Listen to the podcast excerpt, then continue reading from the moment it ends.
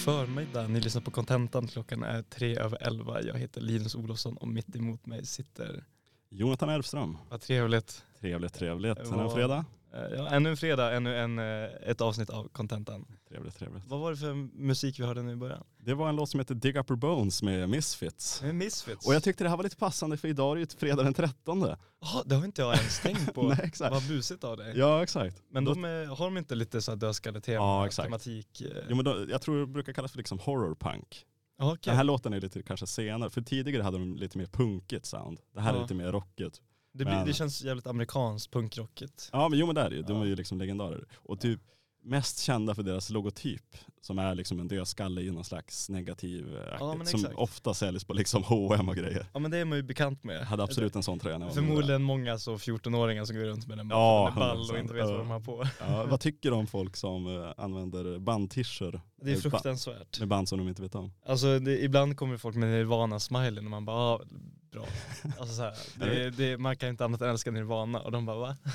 Är, är det lite gatekeeper kanske? Eh, ja men jag tycker att det är fel.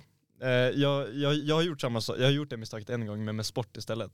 Jag köpte en Liverpool-keps. Ja, det, det, det har jag faktiskt påpekat en gång. Jag vet, och det, det var för att jag tyckte den var så jävla snygg. Ja. Jag, och jag tänkte inte på fotboll, jag tänkte Nej. ja men det är nog ballt märke. Så liksom. Och sen kom det, det blev ett politiskt ställningstagande, det kom, fram, kom fram folk ganska ofta. Ja. Antingen var det så bara, klappa en på ryggen, bara fan vad bra. Eller så kunde folk säga bara, men det är jävla idiot. Helt oprovocerat liksom. Och då, först kopplade jag inte och sen bara, ah kepsen liksom. Ja.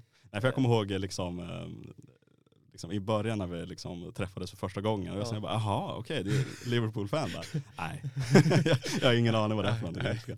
Ja, men jag, ville ju, jag hade ju köpt kepsen, då kunde inte sluta ha den liksom. Nej exakt. Det kändes inte värt, men jag ville heller inte bara börja kolla på fotboll.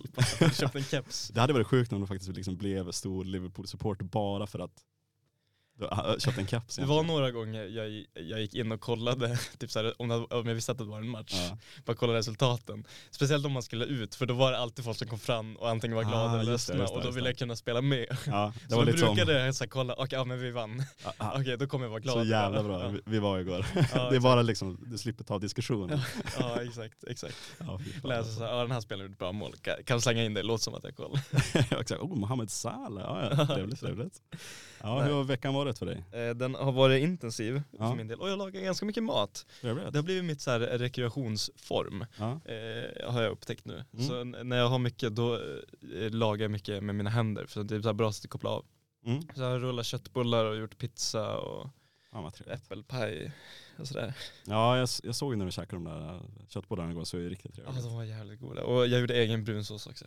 Ja. Eh, Det är nice. Jag har insett det att även om alltså, man uppskattar maten mycket, mycket mer när man har gjort den själv. Jo men det är Det, klart. smakar mycket godare. Ja. Det är så här, jag vet att om jag hade fått det här av någon annan, då hade jag nog inte tyckt det var så märkvärdigt. Nej. Men nu när jag har gjort det själv tycker jag det är så jävla gott. Då är det så, nej, så jävla bra då. Ja. Men jag tycker det är lite synd ibland när man lagar mat. Liksom, vissa rätter tar ju ganska lång tid. Man kanske står i två timmar och lagar någon mm. rätt. Och sen käkar man upp det liksom på tio minuter. Då är det så här, Ja men då ska man ju alltså. göra mycket av det så man får lite matlådor. Ja, eller, eller ska man bjuda över folk. Mm. Eh, Det, det har jag gjort också i veckan. Alltså Mm. käka, jag bjöd folk på äppelkaka igår, alltså så här, eller inte i förrgår. Mm. För att det, det är ett jättelätt sätt att umgås och jag känner mig som en så här eh, mamma i Italien Ja exakt. som bara samlar folk. Ja. Alltså jag är, vad, vad, vad säger man? Jag, jag liksom, nonna. Ja, ja, ja, men, ja delvis det, men jag så här, skapar liksom gemenskap Ja, just det. måltid. Ja. Jag binder ihop folk och eh, Jag föl, föl, sprider kärlek. jag följer en på, på TikTok som brukar laga mycket liksom, italiensk mat. Ja. Och hon liksom varje söndag så åker hon över till sin morsa liksom, med familjen för att käka liksom, middag. Och det är så otroligt att bara se den här äh, äldre italienska damen som står och liksom, Ja. lagar mat och liksom, mysigt bjuder det på låter. allt trevligt. Men det är nice det där med alltså Instagram matkonton. Jag började följa en, en kille från New Jersey. Mm. Eh, en, han är av italienskt påbrå men han är jätteamerikansk. Mm. Eh, ha- Cooch kallas han. Ja, jag älskar Cooch. Ja du, ja, du följer Ja. också honom. Han är så jävla bra. New Jersey kille, Ja, ja, New. York eller vad fan det är. Take care, brush your hair. Ja, fuck your sister. Ja, exakt. Ja, han är otrolig alltså. Han lyssnar man ju kanske inte, eller det är inte så att man går, kollar hans recept men Nej. han är jävligt skön. Han är ju underhållande i alla fall. Det får Ja. man säga. 100% det borde ni, det borde ni titta, titta på. ja, mäktiga. Co- Content tips. CUG tror jag antar var det. Ja exakt. Jag tror det. Jag vet inte om han heter med på Instagram men eh, Nej jag vet inte. man, han borde komma upp om man En en riktig New York-legend verkar som i alla fall. Ja verkligen, han har tugget så att säga. Ja, exakt. Eh, Vi pratade lite om eh, fotboll här tidigare och att, jag tänkte att vi fortsätter på det spåret i alla fall. ja, Eh, och här är väl också en bingobricka men ännu en reportagebok som ska, som ska avverkas. ja, som ska avverkas Ja. i alla fall. Ja, men det är så att jag läste eh, en bok som heter Den sista utposten, en berättelse om svensk fotboll av Noah Bachner. Just det, Noah, vad, vad är Noah för någonting? Eh, Noah är till vardags i alla fall så jobbar han som eh, krönikör på Expressen. Just i alla fall. Och den här, själva den här boken handlar om, ja, vad ska man kalla det? där? Det handlar om den moderna fotbollen skulle man kunna säga och hur Sverige har stått åt sidan och liksom gått m- mot vägen egentligen. Ja just det, du har berättat lite om det här. Men kan du liksom förklara vad som skiljer Sverige lite åt? Ja, egentligen för att i den här boken så tar liksom Noah Bachner en på en, liksom en resa från hur fotbollsklubbar har gått från att vara lokala föreningar till att vara liksom en miljardindustri. Och liksom han berättar om hur de här lukrativa tv-avtalen i till exempel Premier League gör att de klubbarna blir så rika så att ingen annan kan kämpa mot dem. Mm. Han berättar hur liksom miljardärer köper upp klubbar bara för att tjäna pengar. Det kanske går åt helvete för de här klubbarna om de lägger ner efter Mm. något år eller vad fan som helst. Han berättar liksom om de här multiklubbsföreningarna där egentligen en stor klubb äger flera andra klubbar i andra länder så att det blir som bara ett de andra klubbarna står inte på sina egna ben utan de är bara en del av den här stora klubben och spelare liksom forslas mellan de här olika klubbarna. Kommersialisering av idrott. Ja, men exakt. Skulle man kunna uttrycka det så? Ja, även liksom det här med sportwashing, hur liksom Saudiarabien och Qatar liksom mutar sig in i Fifa och Mm. Köper upp klubbar för att liksom Du köper väl in spelare också som får jättemycket cash? Ja exakt, det såg vi här i somras att nu har ju verkligen Saudiarabien gått på offensiven för att få, liksom få fotbollen till deras på något sätt. Mm, mm. Eller i alla fall få, liksom, ja som sagt tvätta sitt eget rykte med hjälp av fotbollen. De har ju, som sagt i somras så satsar de verkligen hårt på, på sin egen he- inhemska liga.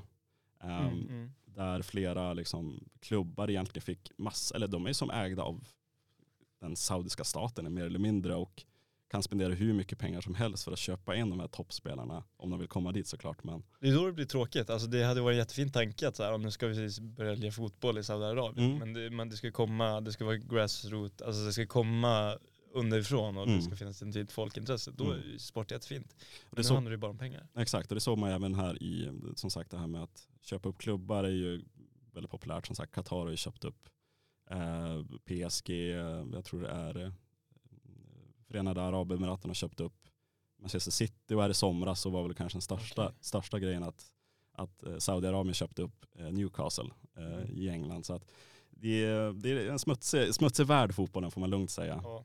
Men i alla fall Sverige har ju gått tvärt emot egentligen vad liksom den övriga fotbollsvärlden har gjort egentligen. Ehm, och svenska fotbollsföreningar var i början liksom vanliga liksom, ja, föreningar som sagt som alla andra byggda på ideellt engagemang och föreningsdemokrati och amatörism. Och liksom i början var det, det här med amatörism, det var inte ens tillåtet med liksom proffsspelare. Man fick, man fick inte tjäna pengar på, på sport. Hur länge var det så? Eh, Det, var något som tog bort 1967 och där var Sverige en av de sista, sista, län, 67? ja, exakt, sista länderna liksom ta bort just den här eh, Eh, vad heter de här Granoli? Ja exakt, och de var, var ju liksom en av de första faktiskt att eh, åka ut i Europa för att spela fotboll och tjäna pengar. Det, nej men eh, när var de aktiva då? Var det efter 67 då? Nej, det var 50-talet Okej, okej. om jag är helt med. Det är Gunnar Gren och Gunnar, Ja, eh, det är riktiga... var det Gunnar Gren? Ja, Gren, Nordahl och Du kan det Lidholm. bättre än vad jag kan. Jag, Och det, med dem så vart det ju så att de fick inte spela landslagsfotboll på grund av att ja, svenska fotbolls, äh, fotbolls, svensk fotboll gillar inte att de åkte över dit för att tjäna Ja, pengar och spela liksom proffs. ja, det är verkligen sjukt. Ja. Och då, de har ju liksom blivit legender i AC Milan och liksom Ja, Jag ja, tror om det är Gunnar Nordahl som kommer från Hörnefors. Han är liksom den spelare i AC Milan som har gjort flest mål också så det är ju jävligt häftigt. Åh jäklar, det visste Ja. jag inte. Nej men exakt. Men i alla fall, eh, liksom, men det, i början, liksom där på 90-talet så fanns en rörelse att det måste liksom komma in pengar inom sporten och man ville liksom bryta upp den här lite mer föreningsdemokratiska. Man, liksom, man ville att någonting nytt skulle hända i alla fall. Mm, Det skulle mm. släppas upp. Så i kamp med det så valde Riksis, riksidrott, riks, i riksidrottsmötet 1999 så valde man i alla fall att ideell, vad ska man säga, aktiebolag, kunde få, få bildas av ideella föreningar. Och det gjorde att liksom, föreningar kan få in kapital i alla fall. Mm. Men Man valde i alla fall att skriva in en regel i stadgarna som kallas för 51%-regeln. Okej. Och mycket av den här boken handlar just om 51%-regeln också i alla fall. Och med den här regeln så innebär det att föreningens medlemmar måste ha, inneha 51% av rösterna i ett idrottsaktiebolag egentligen, eller en förening. Och genom att inneha 51% av rösterna så har man ju rösträttsmajoritet. Mm. Så även fast kanske 49% av klubben är bolagiserad så är det 51% åt medlemmarna. Ja, så det här bolaget, eller vad fan det nu är, kan inte bestämma vad, exakt vad klubben ska nej, göra. Nej. De kan inte bara flytta klubben hur som helst. Det är ju jättefint. Ja, jag vet. Och det här är ju Sverige ganska ensamma om. Ja. Det är väldigt, väldigt få. I Tyskland till exempel har man någon li, ganska liknande men inte så här hård ska man säga. Nej. De har något som kallas 50 plus 1. Eh, vilket är ganska likt. Men det, där finns det även klubbar som som till exempel Bayer Leverkusen och Hoffenheim och sådär som, som inte har det här systemet. Så att det är inte lika tajt och inte, lika, inte på samma sätt. Men vad tråkigt, för jag tänker att nu är det nog ganska svårt att ändra, alltså globalt. Mm. Det liksom, att bara bromsa utvecklingen mm. blir, blir svårt att mm. göra. Men att man inte gjorde det från början, att man mm. inte tog hänsyn till vad det kan göra med sporten överhuvudtaget. För mm. nu blir det ju så jävla tråkigt mångt och mycket med, med fotbollen som du berättade Nu är inte jag fotbollsintresserad, Nej. men det blir ju inte den här, det man tycker om med idrott så att Nej, säga. Alltså det jag associerar med idrott, det är ju liksom att folk står och säljer korv på någon jävla arena och ja. det är dåligt väder. Det är det man gillar med den svenska idrotten. Ja exakt, Nej, det finns ju både för och nackdelar med det här systemet vi har i Sverige. Det, det är ju jävligt bra att att det är liksom vi som är, eller de som är medlemmar i en förening, det är de som i slut, slutändan bestämmer egentligen hur föreningen ska skötas och hur allt ska gå framåt. Problemet är ju att Sverige har ju hamnat på efterkälken. Till exempel nu när, liksom, jag vet inte hur länge sedan det var, Danmark beslutade sig att ja, det går att köpa fotbollsklubbar och där har det ju spenderats jäkligt mycket pengar. Och med det så har ju den danska fotbollen blivit bättre och det danska landslaget har blivit bättre också för den delen. Som sagt, det finns ju för och nackdelar. Och då är frågan liksom, vad är fotbollen till för egentligen? Är det för att det ska finnas en slags lokal förankring eller, liksom, är, eller är det så att sport ska vara en liksom, underhållning och fansen är bara konsumenter? Och det är väl det hela liksom, boken handlar om. Mm, det är en väldigt svår fråga. Vägvalet egentligen. Eh, jag tänkte att jag skulle läsa upp en liten del av, ja. av Noah Backnens bok, den sista utposten. Och det handlar egentligen om eh, vad ska man säga, ett gäng som i alla fall åker på Sirius. Sirius är ett lag i Uppsala och åker på deras bortamatcher. Mm. Eh, och jag tycker det här liksom representerar även liksom vad fotboll handlar om egentligen. Då ska vi se här. Egentligen hela det här börjar med att eh, en, en supporter eh, berättar egentligen om hur de har liksom åkt överallt. Liksom man berättar om fjällvandring och mött upp killar som åkt från liksom Kiruna och allt möjligt. Egentligen de här stora resorna som de brukar göra i alla fall. Spännande. Två trappsteg nedanför stod Love och lyssnat, lyssnade intressant. Efter en stund vände brukaren blicken mot honom. Love har den finaste historien av alla, säger han. Love, Love flackar lite med blicken innan han samlar sig. Det handlar om Janne, hans svärfar som själv blev Sirius-supporter redan på 1950-talet. Det var han som tog med Love till studenternas IP. Love hade redan bott sju år i Uppsala. Att bara gå på Sirius knöt ihop saker och ting för honom. Love och Janne fortsatte att ta sällskap till matcherna. Det blev deras grej. De tittade på fotbollen och pratade om livet, berättade han och vände sig mot planen. Några tunga, tunga regndroppar landade på trappsteget nedanför oss. Den här gången fortsätter historien. Han heter Janne förresten, om jag inte sagt det. Han fick cancer och blev sämre och sämre. Det slutade med att han inte kunde gå på matcherna. Jag satt själv med en tom stol bredvid mig på platsen som han hade betalat för. Och, och alltså ärligt talat, det är fan tråkigt att titta på fotboll själv. Så blicken börjar vandra åt höger lite försiktigt och längst bort står västra sidan som sjunger och härjar. Så jag går dit efter ett par matcher och ställer mig där. Sakta men säkert börjar jag lära mig sångerna och sedan dog Janne ett halvår senare. Och jag gled mer och mer ihop med västra sidan och ja, vad ska jag säga, nu åker jag bara, nu åker, nu åker jag bara på allt. Brukarna lyssnar på honom och sippat lite på ölen i sin plastmugg. Nu bryter han in. Och flaggan Love, säger han. Ja just det, säger Love. Ett år efter att Janne hade dött åkte vi till Halmstad och kunde gå upp i allsvenskan. Jag hade tagit ledigt från jobbet. När vi hade vunnit hade jag förberett en flagga där det stod Janne, vi gjorde det. Han hade älskat det. Det var vår grej och han missade det. Det här stora. Min fru hjälpte mig att måla den. Vi hade, vi hade den klar hela matchen. Den låg i bakfickan. Men jag var liksom rädd att jinxa allt så jag vågade inte ta upp den.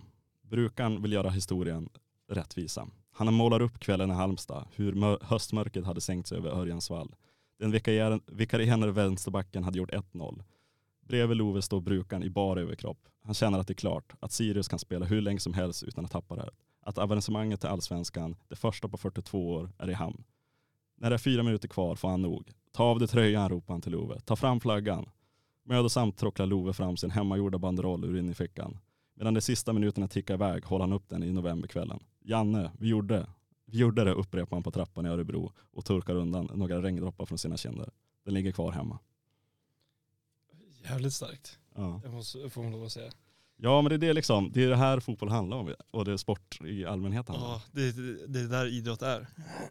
på något sätt. Som sagt, ska, ska idrotten vara för folket eller ska det vara bara för en entertainment? Och det är väl det som är kontentan i den här boken. Det får lov att säga. Det är en komplex fråga. Men, det är det verkligen. Men, men, om personligen så föredrar jag väl utvecklingen i Sverige än annan. Det, det, är en finare, även fast liksom fotbollen utomlands är lite sexigare så ja. är det ju. Och det är lite ja. roligare att kolla på, så är det ju. Jo, men jag kan nog också säga det, jag har lättare att säga det eftersom jag inte är så fotbollsintresserad. Nej så är det. Eh, så jag, jag ser ändå inte kanske underhållningsvärdet på samma sätt som du gör i fotboll. Och då, då tycker jag det är finare med med att komma på någon så här lite lökig match och käka lite korv. Typ. Ja. Det, det, kan jag tycka är rätt charmigt. Uh -huh. Men, eh, jag tycker vi ska köra en låt som jag förknippar med fotboll i alla fall. Det här är en låt som, jag tycker att spelet Fifa, mm. äh, fotbollsspelet Fifa i alla fall, har ju ofta väldigt bra soundtrack. Som blir oftast väldigt populära i alla fall. Så kan det vara. Jag har ingen aning Nej. om det faktiskt. Och det här är en låt som kommer från Fifa 04 i alla fall. Och det är en låt som heter, ja, exakt, en låt som heter Jerk It Out med Caesars. Jerk It Out, uh, Caesars. Det är en jävla bra låt alltså. Den är det. Det är alltså det... man lyssnar rätt mycket på. Ja, men exakt. Den har ju en, uh, diskuterade här tidigare, vad fan det är. Du, det är du. Vad det är för instrument? Jag ja, tänker att det kan vara någon synt. Ja det måste ju vara någon synt av något slag, men de har ju ja. fått till det där jävla speciella ljudet. Ja, ja. Jättesexigt, man går igång på det. Verkligen. Det är en sån låt man hör introt och bara får, får feeling direkt. Liksom. Man behöver inte höra låten egentligen. Nej, men de fem första sekunderna. Nej, exakt, det är samma med Take Me Out med Frans Ferdinand, man hör liksom ja. äh, gitarrljudet. Ja, och då, då vet man, då är man är i hamn direkt. Ja, exakt. Enkel musik. Bra fredagslåt, helt ärligt. Absolut. Man hade ju kunnat, men nu gjorde vi inte. Var han ännu bättre fredagslåt kanske? Ja, det är möjligtvis. Ja, möjligtvis. Ja, jag vet aldrig.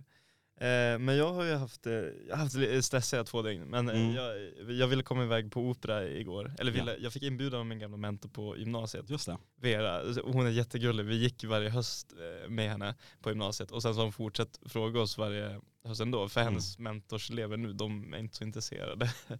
Tyvärr. Kanske förståeligt att gymnasieelever inte är intresserade av av opera. Nej. Men de här biljetterna var värda, om man ska köpa dem, då köp, eh, kostar de 600 spänn. Och man får är dem, det så dyrt alltså? Ja, och, och, vi får dem gratis. Ja.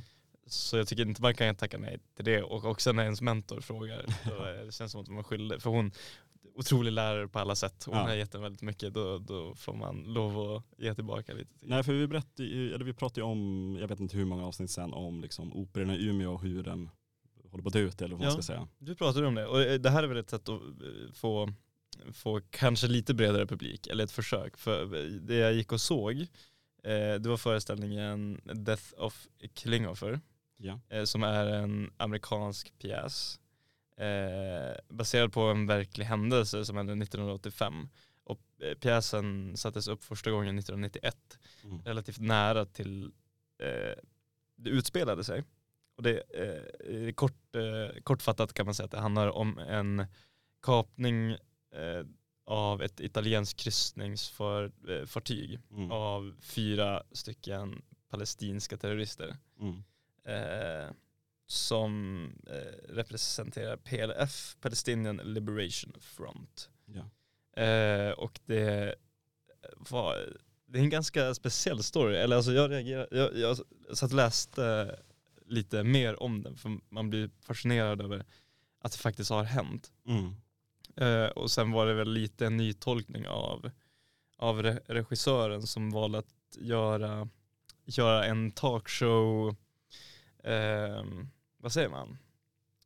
Alltså som, du vet en talkshow, alltså ett mm. sånt setup. Ja. Eh, och sen fick eh, alla då, både eh, kaparna, terroristerna, mm. och de som, som blev gisslan, mm. Eh, spela typ gäster på ett talkshow-program. De fick sitta liksom i soffan på Ja, ett exakt. talkshow-program. Okay. Och så fick de genom opera liksom förklara deras enskilda upplevelser. Mm. Och sen efter, eh, efter pausen så, så liksom integrerades det med vad som faktiskt hände i Mm. nutid. Så då kom det upp vatten på scenen Mm. eh, och folk började skrika och skjuta med vapen. Alltså så här, det, blev, det blev mer eh, som att man var på båten. Så det var en liten ny tappning av, Mm, får man av den här eh, operan som har satts upp tidigare. Eh, det har ju varit lite skriverier om att det var ett, ett svårt beslut för Norrlandsoperan att välja på premiärdagen. För Premiären var ju i söndags Ja. och i lördags så eh, kom ju den här Hamas terrorattack mot, Mm. eh, eh, mot Israel. Eh, så det har ju varit lite skriverier om att eh, eh, ja, är det rätt eller fel? Och operachefen Dan Thurdén, eh, han säger från scenen att, eh, eh, att detta spela eller att inte är det svåraste beslut han fattat. Han säger att konsten opererar på ett sluttande plan där begrepp som rätt och fel inte längre är självklara och att han hoppas att publiken bedömer det som vi ser på scenen och inget annat. Mm. Eh, och det tycker man får respektera Mm. eh, i och med att det är ett eh, konstverk. Och jag tycker det nästan blir ännu viktigare att ta del av det när det är så relevant, delvis historiskt och Mm. eh, i en konflikt som är fortgående till nutid. Alltså Så det. hände 85 men problematiken Mm. existerar ju fortfarande. Då blir det ännu viktigare att Mm. ha en diskussion om det. Så är det verkligen. Och sen tycker jag inte vi behöver ha en politisk diskussion om eh, Israel-Palestina-konflikten. Nej, det tycker det, jag. Det finns ju andra, Andra som är bättre på det. andra utlopp att lyssna på om man är intresserad av det. Eh, men det var vä väldigt intressant att Mm. gå och kolla på. För opera är en så speciell form. Och också, den var på engelska. Okej. Eh, I och med att den är amerikansk. Mm. Eh, och jag har inte, jag har, det är inte alltid det är lätt förståeligt när man är på opera kan jag. Nej, nej exakt. Man, ja, man, vi var på någon fransk opera för några år sedan och då, då fattar man ingenting. Då Nej, kollar man bara på vad som händer Ja. liksom upplevelsemässigt. Men Mm. den, den här operan var mycket mer fokuserad på alltså själva handlingen Mm. eh, än, eh, än kanske vi, visuella scenkonsten på det sättet. Mm. Eh, Men det är intressant det du sa med själva den här ska säga, talkshow-kulisserna om man så säger. mm. Hur funkade det att liksom de ska sitta och sjunga opera i en talkshow-soffa? Det var lite speciellt, det var liksom en, det var en räls längst fram på scenen Mm. där för en eh, kamera, så kameramannen som sk- filmade den, den här eh, talkshowen var liksom på scen och sen var det två bildskärmar skärmar ovanför. Okej. Eh, så man såg delvis skådespelaren och sen också inspelningen av det uppe på kulisserna. Ah, och sen så intressant. blev det som att varje eh, av de här karaktärerna, först någon av eh, kaparna fick kanske först skärmtid och så var det som att den här intervjupersonen som ledde talkshowen, Mm. det var lite bilder på henne när hon såg, fin- såg finurlig och fnittrig ut typ. Ja. Eh, och sen så klippte de till, ja men kanske en av terroristerna och så började han förklara eh, liksom grunden till att det skedde typ och vad som hände och vilka mentala processer han gick igenom. Mm. Och då blev det ju lite att de kanske gick runt i, alltså att det blir lite, inte så bundet till eh, formatet utan att de kunde leva ut och gå runt Mm. med vapen även i det formatet. Så det blev som en blandning och det blev ännu mer och mer mot slutet så att säga. Eh, men det var, det var speciellt. Men hade inte det här, jag, jag tycker nästan den här storyn hade passat bättre bara som en vanlig teater kanske. Men Jag tror det. Det, det, var, det var ju väldigt eh, storytungt. mm, Och då kanske det hade fungerat, och, alltså mer som en teater. mm. Absolut. Eh, men, men det var fortfarande intressant att gå på. Jag tänker man, man kan berätta lite mer exakt vad som hände Mm. med den här eh, kapningen. Det var ett italienskt fartyg, Mm. ett kryssningsfartyg. Folk var bara ute eh, och ville ha det gött liksom. Eh, på väg mot eh, Egypten skulle de ankra på någon stad för att folk ville gå och kolla på pyramiderna. Mm. Eh, och där så kliver de här fyra terroristerna på. Eh, och de smugglade, eh, som jag har förstått det, eh, vapnen, för de hade med sig gevär för att ja, liksom, kunna hota folk, Mm. eh, i, i bränsletanken till en bil. Okej. Vilket också ledde till att de blev påkomna senare. För de satt i deras rum innan de hade påbörjat aktionen och försökte torka bort eh, bränslet, alltså Ah, bensinen, Ja. för det stank Ja. från vapnen som man kände och då kom det in någon servitör och, och satte om polerade sina vapnen och vad fan är det som händer? Eh, och då fick de lite panik för den ursprungliga planen ehm, eh, var inte att eh, göra det som sen hände utan de skulle attackera en stad i Israel som heter Ashdod. Mm. Eh, så de skulle väl Okej, så planen var egentligen att kapa det här fartyget, utan det var bara forsla? Ja exakt, Forsla exakt. vapen. Ja, ungefär. Ja. Jag- Jag vet inte, det är väldigt luddigt. Det- Han, eh, ledaren för det här PLF då som de representerar, Abbas, Mm. står inte för just de här fyras aktioner. Nej. Utan han tog avstånd från det. Mm. Så jag, jag tror att, Det var någonting som gick fel i alla fall. ja, och jag tror att de kanske blev lite galna av situationen och visste inte hur de skulle hantera det och då gick de bara till deras vapen och, och hotade folk. Och Aha. det var 450 passagerare på det här kryssningsfartyget som alla, alla blev gisslan. Åh, jävlar. Eh, försökte de i alla fall, Ja. men det var ju bara fyra så det blev ju Det, är- det är ett stort manskap att hålla reda på. Ja, 100 exakt. personer liksom. Exakt, det blev väldigt svårt. Eh, eh, och i den situationen var det så här, okej men vad, vad ska vi eh, göra för någonting? Mm. Och då ville de istället för att ja, göra den här attacken försöka göra till en politisk aktion Mm. genom att ta gisslan försöka frigöra 50, 50 stycken palestinska fångar. Okej. Eh, så de skulle få till Syrien, jag vet inte exakt var det var. Nej. Men de, de eh, bad ka- kaptenen att styr ditåt och sen så fick de iväg, de, de hade också en, jag vet inte vars de hade som sitt medieutlopp, men de hade kontakt med både USA och Italien. Mm. Fartyget var italienskt Mm. Eh, och det var ganska många amerikanska passagerare. Eh, och det man sa att de vill att de frigör de här 50 palestinska eh, personerna, fängslade personerna. Annars så kommer de börja döda folk. Just det. Och har eh, jag ett citat från en av de här terroristerna som diskuterar med sin kompis då. I and Bassam, en av de andra, agreed that the first hostage to be killed had to be an American. I chose Klinghoffer, an invalid, so that they would know that we had no pity for anyone, just as the Americans arm, just as the Americans arming Israel do not take into consideration that Israel kills women and children of our people. Mm. Den här Klinghoffer, han som sagt, han var, den heter väl The Death of Klinghoffer Ja, som du sa? det, det handlar väldigt mycket om han och hans hustru och hennes, eh, ja, för, för de skjuter ju honom och kastar honom över bord. Mm. En rull- rullstolsbunden man för att Mm. visa att de är hänsynslösa. Mm. Eh, och det, det handlar mycket om hennes sorg Mm. över Klinghoffers död. Eh, och det fruktansvärda i att man faktiskt gjorde det. Mm. Och sen, ja, efter att det skedde så kunde den här Abbas, alltså PLF-ledaren på något sätt ta kontakt med terroristerna och avvärja Mm. eh, hela aktionen. För att både USA och Italien eh, sa tidigt att de inte kommer, eh, kommer frigöra de här 50 brottslingarna. Mm. Och sen så dog det inga fler. Nej. Men det är en väldigt speciell händelse. Ja, vad, vad, vad var det som hände efter? Vet, vet om det? det blev lite diplomatiskt efterspel mellan Italien och USA. Såklart. Eh, jag vet inte ex- alltså hur det gick för alla passagerare. Alltså alla andra var väl överlevde. De slussades väl iväg med, med mindre båtar Mm. någonstans. Eh, Själva eh, hur det rent praktiskt gick till Nej. vet jag inte Nej, nej, exakt.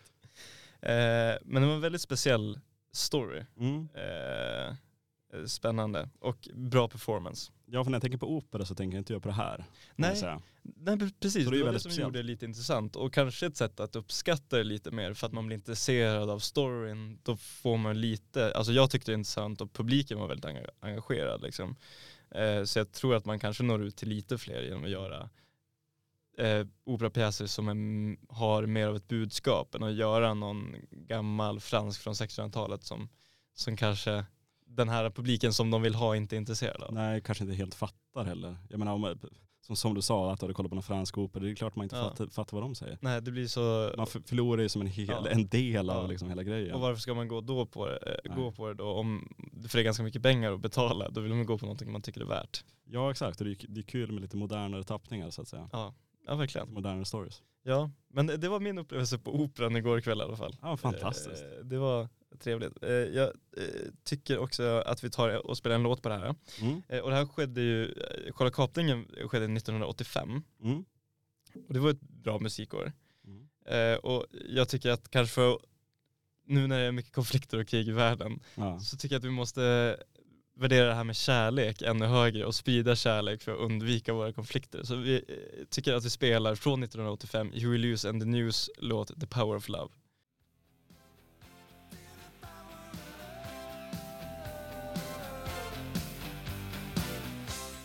The Power of Love med Hugh Lewis and the News. Jävla bra låt alltså. Ja, gud. Jag tycker vi alla ska sjunga We shall overcome här. Ja, lite den viben. Kärlek fan, det skadar ju inte. Nej. Nej men det är väl i, vad heter det, American Psycho det är eh, Ja, exakt. mycket snack Hip där. to be square eh, kan han ju typ utan till. Ja exakt, han Eh, snackade om albumet Sports eller vad det var. Ja. Ja, ja men exakt. Och så det, den scenen när han har hem sin polare och så tar han på sig den här regnkappan genomskinlig och så vänder han sig om och bara Is that a raincoat? Och så svarar han Yes it is. Och så går den här låten i bakgrunden och så Ja. styckmördar han brutalt liksom. Ja, Kommer en yxa typ. Den där välpolerade yxan som bara glänser Ja. liksom och tidningspapperna på golvet. Ja verkligen. Ja, det, Hip to be square, ja mäktig låt det också. Nej men Hugh Lewis and the News är ju verkligen så här 80-talet. ja, Snackar man liksom, det här är ju fan 80-talet så det bara smäller om det. ja det, det, men det, det är viss musik som fångar eran den görs i. Ja verkligen. Det, det är fint. Det här skulle aldrig kunna gå att göras idag. Det hade ju varit så jävla dåligt. Jag tror det hade varit jävligt dåligt om det här hade gjorts idag. Ja men det hade ju aldrig kommit ut liksom. Nej, det hade aldrig funkat Nej. överhuvudtaget. Ja. Det, det hade ju blivit att man försöker härma någonting. Ja, Och då blir ingen intresserad av att lyssna på det. exakt. Ja. Och efter 80-talet kom ju 90-talet. När du säger det. Det gjorde, det, tiden är ju linjär så att säga. Ja, verkligen. Vad hände på 90-talet då? Ja, vi båda är ju stora fans av eh, tv-serien Seinfeld Ja, som vi har verkligen. pratat, också bingo bricka material där också, Ja. pratat om Seinfeld. Men som sagt, vi är båda stora fans av eh, tv-serien i alla fall. Ja, det är så jävla bra. Och jag läste någonting här, eller jag såg på Twitter i alla fall, ett litet klipp när Jerry Seinfeld hade någon slags föreställning av något slag i alla fall. Ehm, så att det- där han hintade om en liten överraskning kanske. Okej. Och eh, jag, det här är i alla fall från eh, tidningen Café, en artikel som de skrev. Så jag tar och bara läsa upp den så kan vi ju Mm, se vad som händer i alla fall. Under ett uppträdande i Boston avslöjade Jerry Seinfeld något hemlighetsfullt om ett visst slut. Något som, kan, eh, som, som kommer få förväntningarna hos alla fans av hans banbrytande 90-tals sitcom att skjuta genom taket. Mer än 25 år efter den klassiska 90-tals-sitcomen eh, Seinfeld fick sitt minst sagt vattendelande slut verkar nu en fortsättning vara runt hörnet. Någon sorts fortsättning åtminstone. Under en stand-up show i Boston fick Jerry Seinfeld nämligen en fråga om vad han tyckte om seriens final. Komikerns svar var enligt The Guardian minst sagt kryptiskt. Citat. Jag har en liten hemlighet för, för er om det slutet. Men jag kan inte berätta eftersom det är en hemlighet. Oxygen! I need some oxygen! This is major! I thought you'd like that. Oh, this is huge! I know. All right, okay, let's go. Details. Nah, I can't give details. You what? I can't give details. No details? I'm not in the mood. Efter en ljudlig chock från publiken fortsatte Seinfeld sedan. Här är det jag kan säga till er, till er. Men ni får inte sprida det här till någon. Någonting kommer att hända som har med slutet att göra. Något som inte har hänt än. Och precis, precis vad ni tänker på, det har också Larry David, ehm, ja, han som andra skaparen av Ja. Seinfeld, tänkt på. Seinfeld sändes i nio säsonger mellan eh, 89 till 98 och klockade in totalt 180 avsnitt i alla fall. Eh, Skådespelarensemblen från serien har tidigare återförenats i Curb Your Enthusiasm. Dessutom har Larry David medverkat i eh, Jerry Seinfelds serie Comedians in Cars Getting Coffee. Så relationen mellan medlemmarna verkar överlag vara god. Så nu återstår det att se om det äntligen kan ge sin klassiska genombrottsserien rättmätigt slut.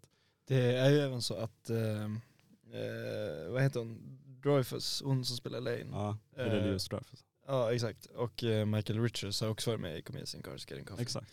Eh, den enda som inte varit med är ju, vad heter han, alltså han som spelar George? Eh, ja, han heter eh, Ja. Jason, Jason Alexander. Ja exakt. Ja. Han, och han har ju varit på typ så här 60 minutes och varit jävligt kåt på sig själv och sin skådespelare. Ja, men han är ju lite mer seriös. Han har ju tagit en annat avstamp. De andra har ju fortsatt liksom en komedikarriär medan han har liksom jag tror han var på liksom, gjort teaterföreställning eller Broadway eller något Men jag tror där. han kom från teater också. Ja, exakt. Eh, Så det är väl det. Han Mm. har lite mer tyngd. Men det- känns ibland som att han tar sig på så stort allvar. Nej, Men han är ju otrolig i rollen som George. Han är helt så är det verkligen. Men det här är ju väldigt eh, exalterande för Seinfeld-fans. Så är det verkligen. Och det är frågan vad som, vi vet ju som inte, han säger bara att någonting med slutet Ja. kommer att hända som inte har hänt än. Och det är frågan vad fan är det? Jag har ju svårt att tro att det är en liksom, ny säsong. Men Ja. kanske så här reunion-avsnitt typ. Ja exakt. Det, det är väl vad ja, man kan vänta sig. Det hade varit svinkul när alla är gamla liksom, men de kör samma grej. Ja exakt, för de, hade, de gjorde ju lite det i Curb Enthusiasm. Jo, ja, de hade exakt. ju lite sam,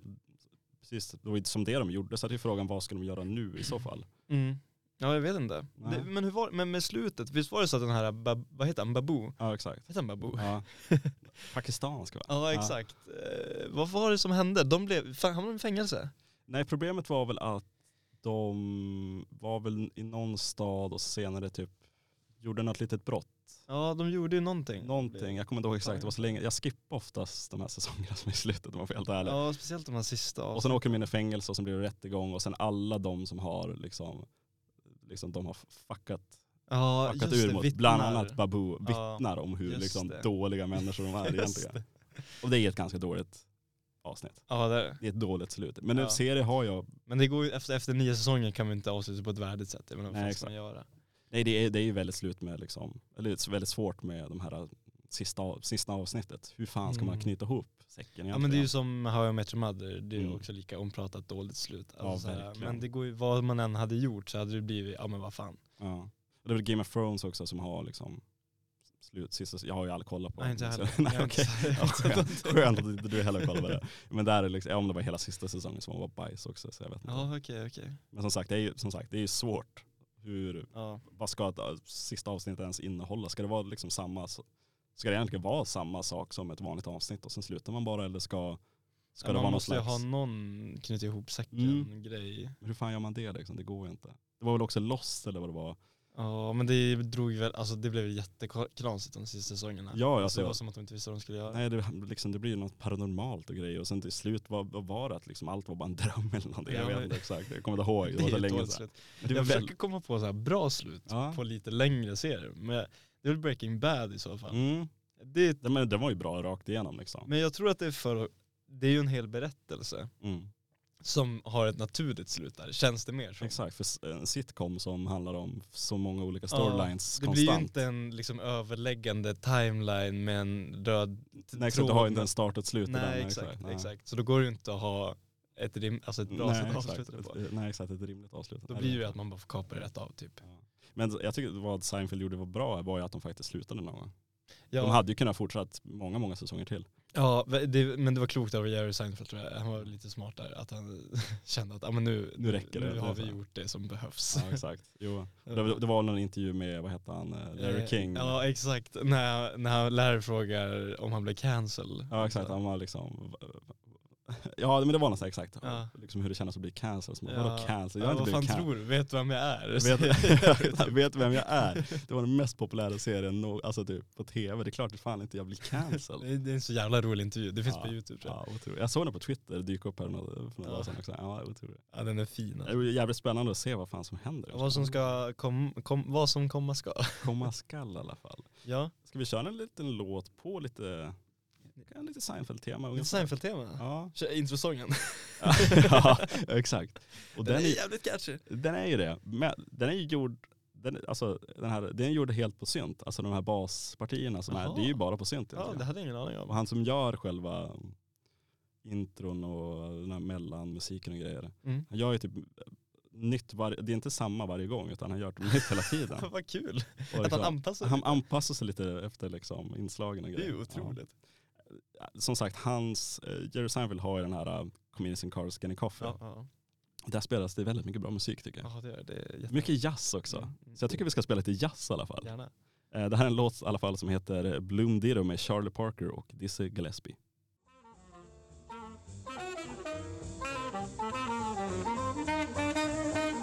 Är de med Charlie Parker och Dizzy Gillespie. Dizzy Gillespie. Ja. Ja, jag hade inte riktigt koll på honom innan, men det är ett jävla bra namn. Det är ett otroligt bra namn. Dizzy, han heter, han född Giz, Nej Dizzy? det är bara något smeknamn han har i alla fall. Men det är Dizzy. ett så jävla bra smeknamn tycker jag. Ja, Dizzy Gillespie och Charlie Parker kallades för eh, Bird. Så många av hans album heter typ någonting med Bird i alla fall.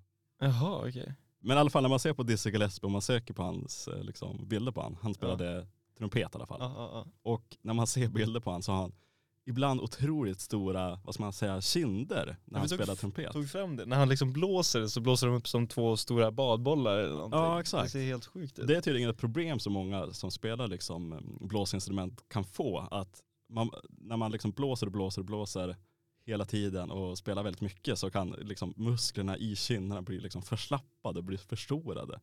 Så att de, liksom, musklerna förlorar liksom, Av sin eh, hårdhet. Ja, exakt. säga. De blir slappa, de Så- bara hänger. exakt så då när de, Elastiska liksom. exakt, så hela kinderna blir som elastiska, ser ut som, liksom, ja, som två badbollar på sidan. Det är intressant. Det är jävligt kul. Ja. Och vissa kan även få liksom på halsen att liksom, Ja. när de väl trycker mycket luft så kan liksom halsen nästan expandera på något sätt. Det är Men sjukt det, jag, jag spelade trombon ett år Ja. när jag var väldigt liten. Ja. Men man kände, man, alltså man är tvungen att trycka otroligt mycket. Ja. Alltså det kräver mycket liksom magstöd Mm. och så spänner man hela munnen Mm. liksom. Så jag kan förstå att det är mycket kraft som ska igenom. Ja Och, och så man maximerar kinderna ut, Mm. det blir ju klart att det, att det är väl, visst är det att man, jag har ju aldrig spelat någon blåsinstrument, men visst är det att man liksom, det är inte bara att blåsa utan man måste verkligen göra, Nej, det, men så här det, man, pruttljud ungefär. man säger att man blåser men Ja. det är ju inte som att man, man vibrerar liksom eh, lapparna på något sätt för att få ut så ja här, det är så- väldigt svårt. Ja, Ja. exakt, Nej, men du vet när man har, gör det här, eh, om, om man är slapp i munnen och bara blåser ut så att Ja. de, eh, läpparna klappar emot varandra. Ja exakt, Ja. den grejen. Det är den man ska göra men med jättemycket magstöd. Ja. Så det är väldigt ansträngande, alltså det är Mm. ganska jobbigt att spela länge. Ja det är intressant också med de här som verkligen blir bra på blåsinstrument är ju också att det finns något som kallas för circular breathing. Att liksom man kan, samtidigt som man trycker ut luft genom munnen så kan man samtidigt andas in genom näsan. Och därför behöver man aldrig liksom ta ett break för att ta andas det egentligen. går helt Så runt. att man trycker ut, andas in Fan, genom vad näsan så att det går sjukt. konstant genom, som ett kretslopp ungefär. Det är ju helt otroligt. Ja, exakt. Det hade varit fett att lära sig. Du lärde dig inte det på ditt ett år som eh, trombonist? Absolut inte. Jag, jag var ingen, ingen utmärkt trombonist när jag var aktiv. Nej, nej fy fan. Jag ångrar ibland, det hade varit kul, alltså om jag hade hållit på, det var ju bara ett år, om jag hade hållit på några år, Mm. då hade det nog ändå var, blivit ganska bra, alltså okej på det. Så Ja. det. För nu om jag hade tagit fram en trombon hade jag nog inte kommit ihåg så mycket. Det var lite roligt där, där eh, du berättade i något gammalt avsnitt när du råkade lämna din trombon på var det var busshållplatsen. fan ett trauma alltså. jag, jag var på väg att gå till skolan Ja. och så skulle jag ta med en bok för måndag och det var jätteviktigt att jag skulle ta med den boken och så insåg jag halvvägs att jag hade glömt boken. och trombonen vägde typ mer än mig vid det här laget Ja. och jag bara, men jag kan inte, jag kan inte springa hem med Mm. trombonen för då kommer jag komma sent till skolan Mm. för det är så jobbigt att springa med den. Mm. Men jag kan inte heller dyka upp utan boken till skolan Mm. för det, läraren hade sagt att det var jätteviktigt. Mm. Så min, eh, eh, vad, man, typ, vad blir det, åttaåriga hjärna eh, gjorde en analys och kom fram till att det bästa var att lämna trombonen vid Mm. sidan av vägen och springa hem. eh, och så sprang jag så fort som fan och sen när jag kom tillbaka var trombonen inte kvar. Jag blev helt gråtfärdig och visste inte vad jag skulle... Jag undrar vart den trombonen hamnade. Ja, Men det var, den kom tillbaka. Det, Gjorde det? Ja, den, eh, den, den, hade kommit till polisstationen några, dagar senare. Okej. Eh, och jag fick en lånetrombon under den här perioden. Men jag hade sån fruktansvärd stressångest. Ja, jag kan förstå det. För jag tänkte, men nu har jag tappat bort en trombon och det är bara mitt fel liksom. Nu, har, nu är livet över. Ska, ska jag behöva gå till min lärare och förklara att jag har tappat bort en trombon? Hur fan, det är liksom det är också så, hur fan tappar man bort en trombon? Det är, också, det är det som är hela grejen. Det är svår att missa Det liksom. hade ju varit roligt om någon liksom såhär, de är ganska stora de där lådorna säkert som man Mm. fraktar dem i. Såhär, Ja, gud, de, ja. Fan, det är något bombhot på liksom bo, någon busshållplats i Boden. Liksom. Men det var ju inte, det var ju liksom i, bara på sidan av en gåväg. Men okej, ja. Så det låg bara i gräset. Okej, spännande. Det måste ha sett jävligt konstigt ut. ja, en stor jävla låda bara. Men det är ändå lite oflyt att på, för jag kan ju vara varit borta inte mer än så här 5-10 minuter. Nej. Att någon har gått förbi under den perioden och också tänkt, "Nej, det där ser inte bra ut, jag tar den här till polisstation. Ja, schysst ändå att man tar sig liksom mödan att Ja. faktiskt, ja. Ja, Jag, Jag jag, hade, ju, jag hade nog inte gjort det faktiskt. nej jag tror att jag hade bara kollat på den och Gått vidare. jag bara, jaha, Jaha, intressant. ja, sen exakt. struntat i det. Gratis trombon. Ja men det är ju lite av ett trauma för mig i mitt liv. Ja, det får man säga lugnt. Ja, men det är, det är bättre nu. Jag har Jag, gått, gått vidare. Jag kan kolla på bläckblåsinstrument nu och känna mig bekväm. Exakt. Du har kommit till en punkt att liksom, du vet hur du ska hantera Ja. framåt. Ja, verkligen. Men eh, ja, du, det här med hedersdoktorer, Ja. eh, vad tycker du om det? Jag tycker det är en intressant grej. Jag vet inte riktigt om jag hå- håller med faktiskt. Alltså jag vet inte, jag tycker det kan vara en ganska konstig grej. Jag fattar inte riktigt, alltså så här, det är ju bara som att de säger, men du är ju bra. Ja, exa- det är lite sådär, ja du, han är Här ju får nice. du liksom ett, en, en liten ett märke på bröstet. Exakt, för att du är så du, duktig. ja exakt. Alltså det, jag förstår inte riktigt var det kommer ifrån. Alltså det är väl väldigt prestigefyllt att bli hedersdoktor. Ja absolut. Men det, det, kom, alltså det, man, alltså det innebär att man inte har någon rent akademisk eh, liksom utbildning inom ett ämne. Nej. Men att man har nått någon sorts nivå utanför på ett fält. Att Mm. universitet kan dela ut hedersdoktorspriser Mm. eller vad Ja. man säger till, till vissa individer som har särskilt sig på något plan.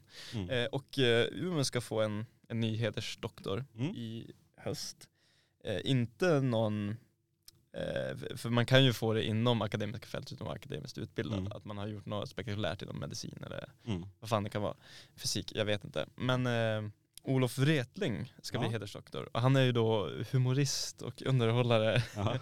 Eh, och han får den, eh, som jag förstår det, huvudsakligen för hans eh, föreställning om sina diagnoser. Just det, just det. Har du sett den? Nej jag har inte sett den faktiskt, men jag har hört lite om den tror jag. Ja, jag, jag kollade på den. SVT Play hade den eh, ett tag. Mm. Jag tror inte den finns kvar. Eh, Gå in och kika, men jag, Mm. har, jag vet faktiskt inte. Eh, och den är otroligt underhållande. För det, det känns, alltså rent innehållsmässigt så blir det väldigt mycket en, eh, ett TED-talk. Just det. Mm. För att det är ett väldigt allvarligt tungt ämne med diagnoser. Men han Mm. gör det med oerhörd liksom, lättja eh, och eh, komik. Att det, det, man skrattar ju igenom det, majoriteten av, av föreställningen. Mm. Men ehm, men det är fortfarande ganska allvarsamt. Mm. Och i stunder väldigt mörkt.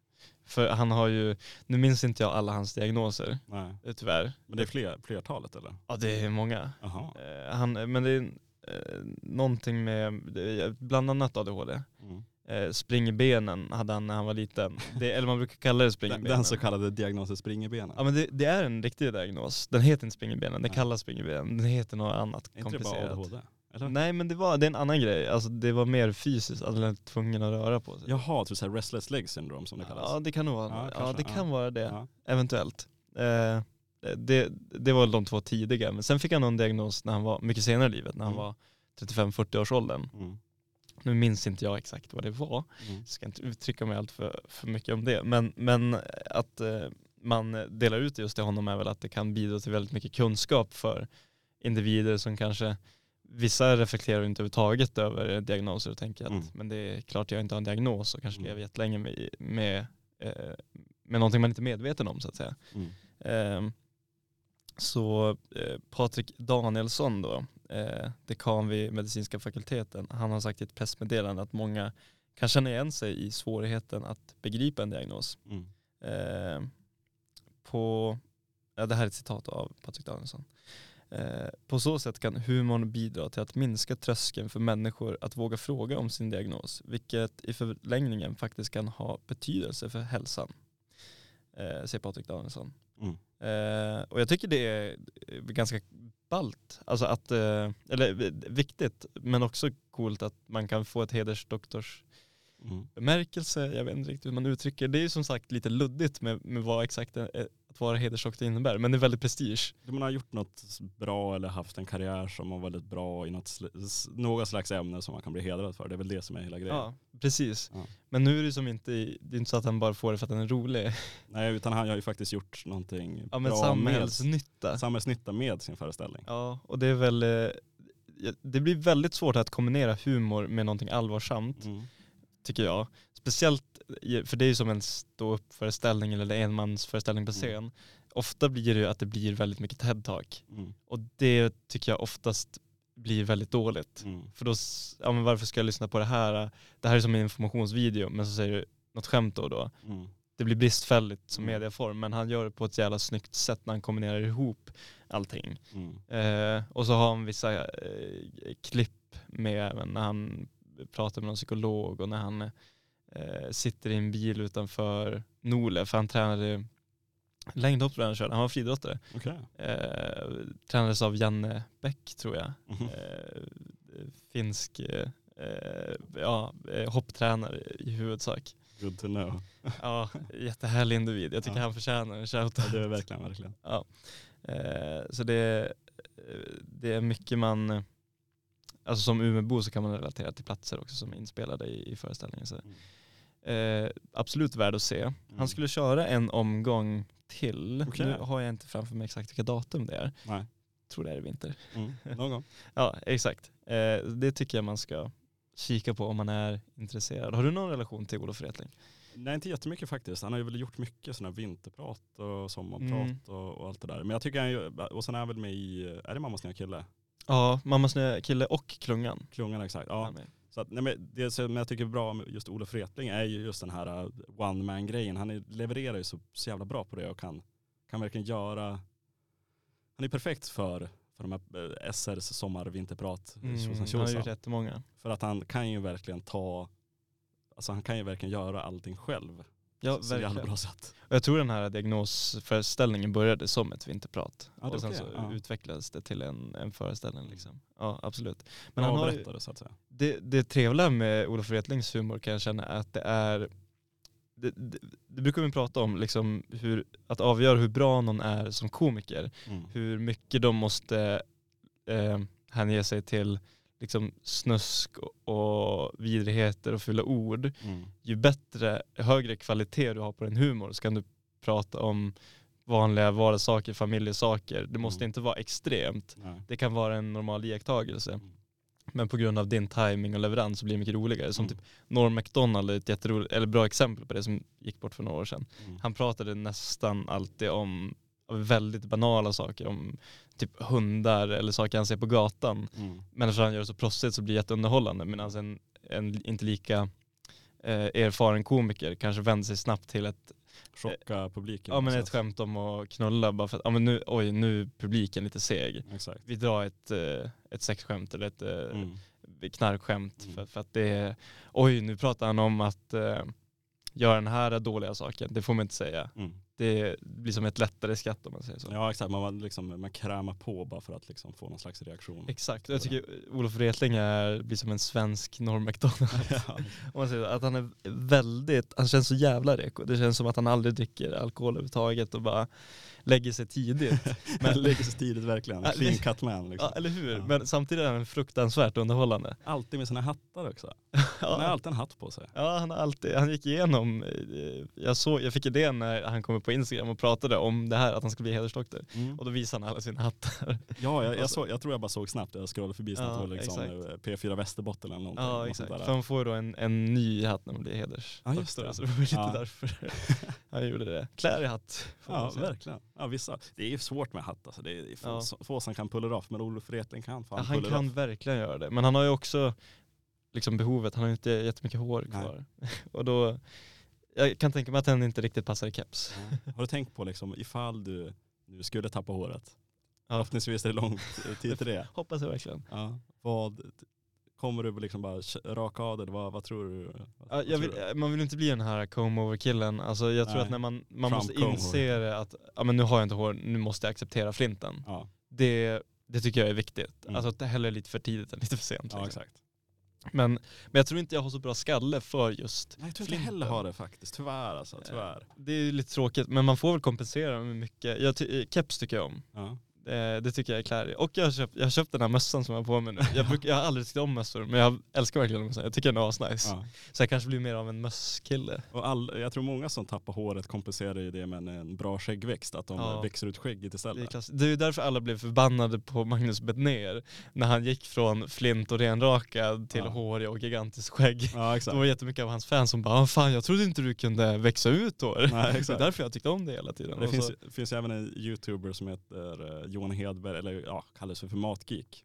Ja just det. Mm. Och han har ju alltid liksom varit ja, sna- snaggad eller rakad eller vad man ska säga. Mm, mm, Men senare, på senare tiden har han typ börjat växa ut håret. hår, han är väl inte världens bästa hårlinje såklart. Nej. Men han har ändå börjat växa ut håret vilket så här, bara, Okej, ja, ja. Det är konstigt, varför väljer man sig att snagga sig i så här 30-årsåldern om man Ja. inte behöver det? det Men det måste ju vara en slags statement, det är lite storkuksaura bara liksom raka Ja. av allt skit jag behöver inte hår. Nej exakt. Jag är inte beroende av det här värmande pälsen som alla andra verkar digga så mycket. Nej, exakt. Det är ju lite jobbigt med hår att man måste hålla på och fixa det och, Ja. och klippa det. Det är, på ett sätt är det jävligt skönt att bara liksom köra snaggat och vara, vara okej med det. Ja, Det är ju låg maintenance alltså, det är det verkligen.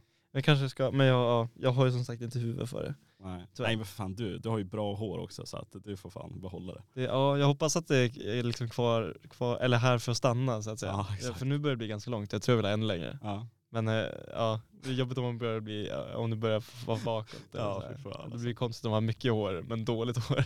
ja exakt, de, de som verkligen liksom har långt hår fast de har jävligt dåligt hårfäste Ja. så, liksom som, så det ser bara ut liksom att man har väldigt långt hår från mitten av huvudet och ja, neråt. exakt. Ja, men det, ja, när de liksom drar bak din hästsvans men Ja. börjar mitt på huvudet. Ja det är lite snuskigt alltså nästan. Det ser lite off ut. Men o- jag, Olof Wretling, eh, för att komma tillbaka till Ja, det, Ja. här med hedersdoktorsutnämningen. Ja. Eh, alltså eh, jätteskön kille, lyssna på hans sommarprat Ja. eller vinterprat eh, eller Ja. någon föreställning som finns. Sen har ju, nu vet, jag, jag tror att det är Klungan, det Mm. kan vara Mammas nya kille som kör eh, det här, eh, den här karaktären Thunder. Ja exakt, det är mammas nya kille. Ja, har du, ja det är Mammas nya kille. Ja, exakt. Ja precis. Eh, som finns på YouTube.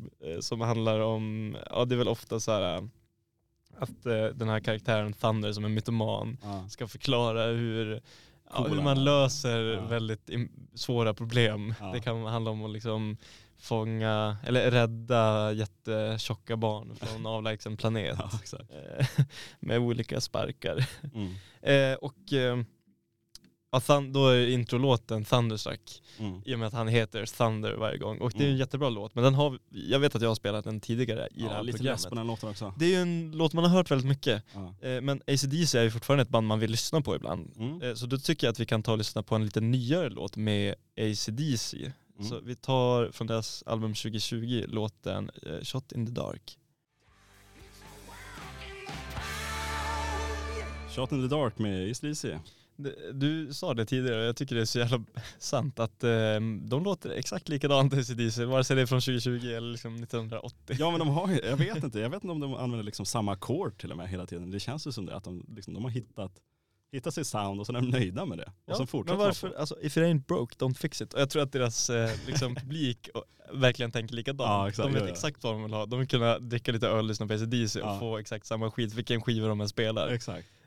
Men det är lite som, jag tror Chuck Berry också låter jävligt likadant på alla Ja, det det. Så det är vissa Absolut. artister och band som, eh, ja de tummar inte på reglerna. Så de har satt ett koncept och sen kör de bara på det. Men det är ju någon eh, klyscha att eh, eh, konstnärer överlag, Mm. ofta berättare, kanske författare eller eh, regissörer eller så, har egentligen bara en berättelse att berätta Ja. i deras konstnärliga eh, liv och sen blir allting efter debutverket eller det stora verket Mm. andra tappningar av samma berättelse. Mm. Och det tycker jag man ser ofta, Mm. att man ser om någon slår igenom med en tys- viss typ av romantisk skildring Mm. då blir det alltid fler romantiska skildringar även om man försöker ge en ny tappning på det. Det blir samma, Mm. samma grej på något sätt egentligen. Det kanske är samma sak med, med musiker, ja. att när man väl har hittat det, det man ska berätta, då är Ja. det det man återkommer till. Om man försöker göra något nytt, då blir det Mm. oftast att publiken inte, Ja. inte uppskatt, uppskattar det man gör. För att du ska ju vara den här grejen som du är bra på.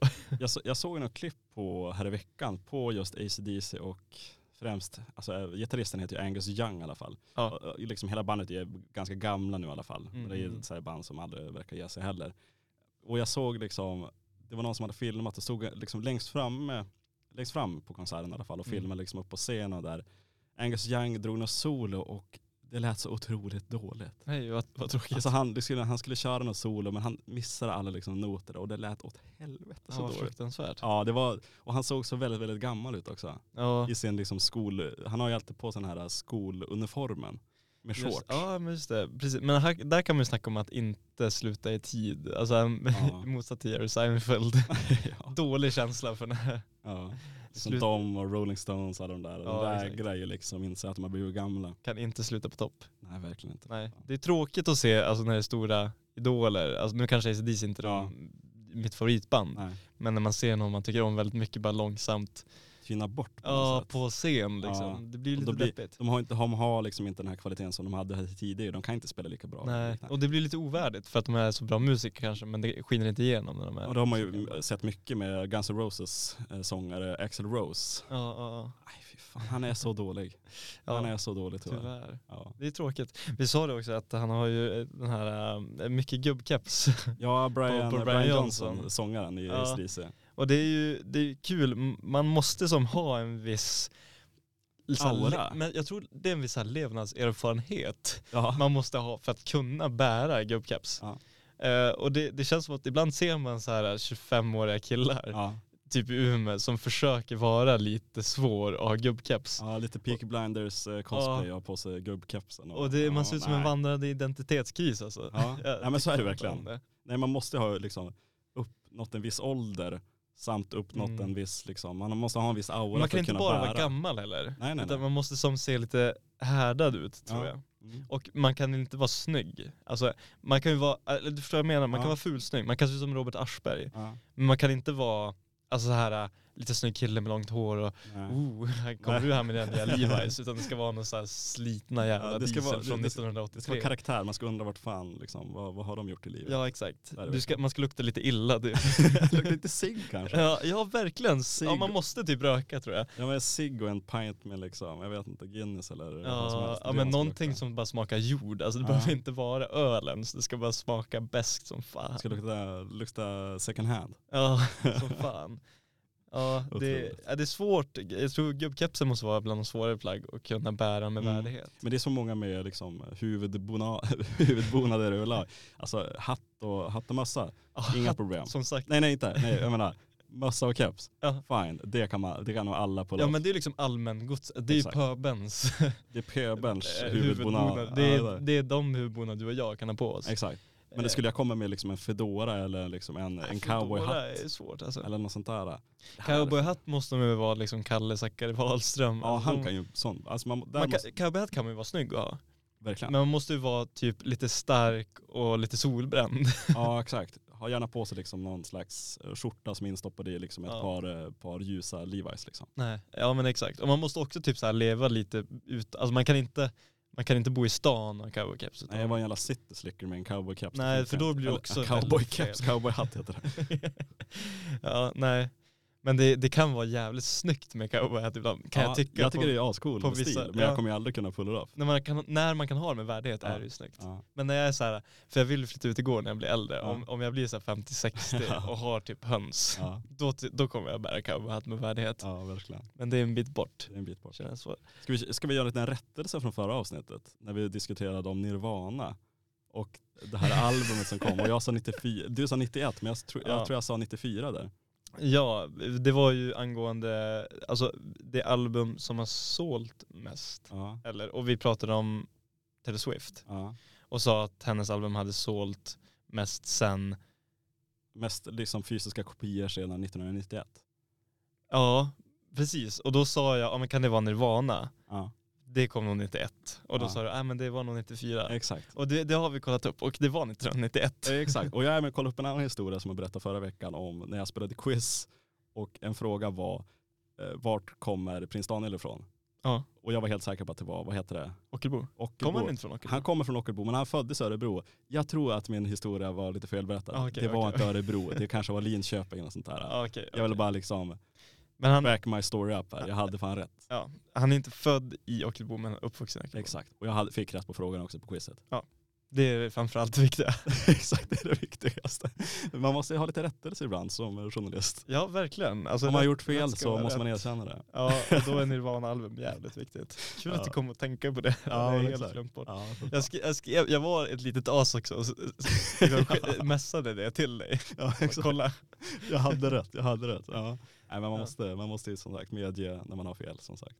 Ja, man måste ha lite, lite värdighet, lite trovärdighet. Så är det ju. Mm.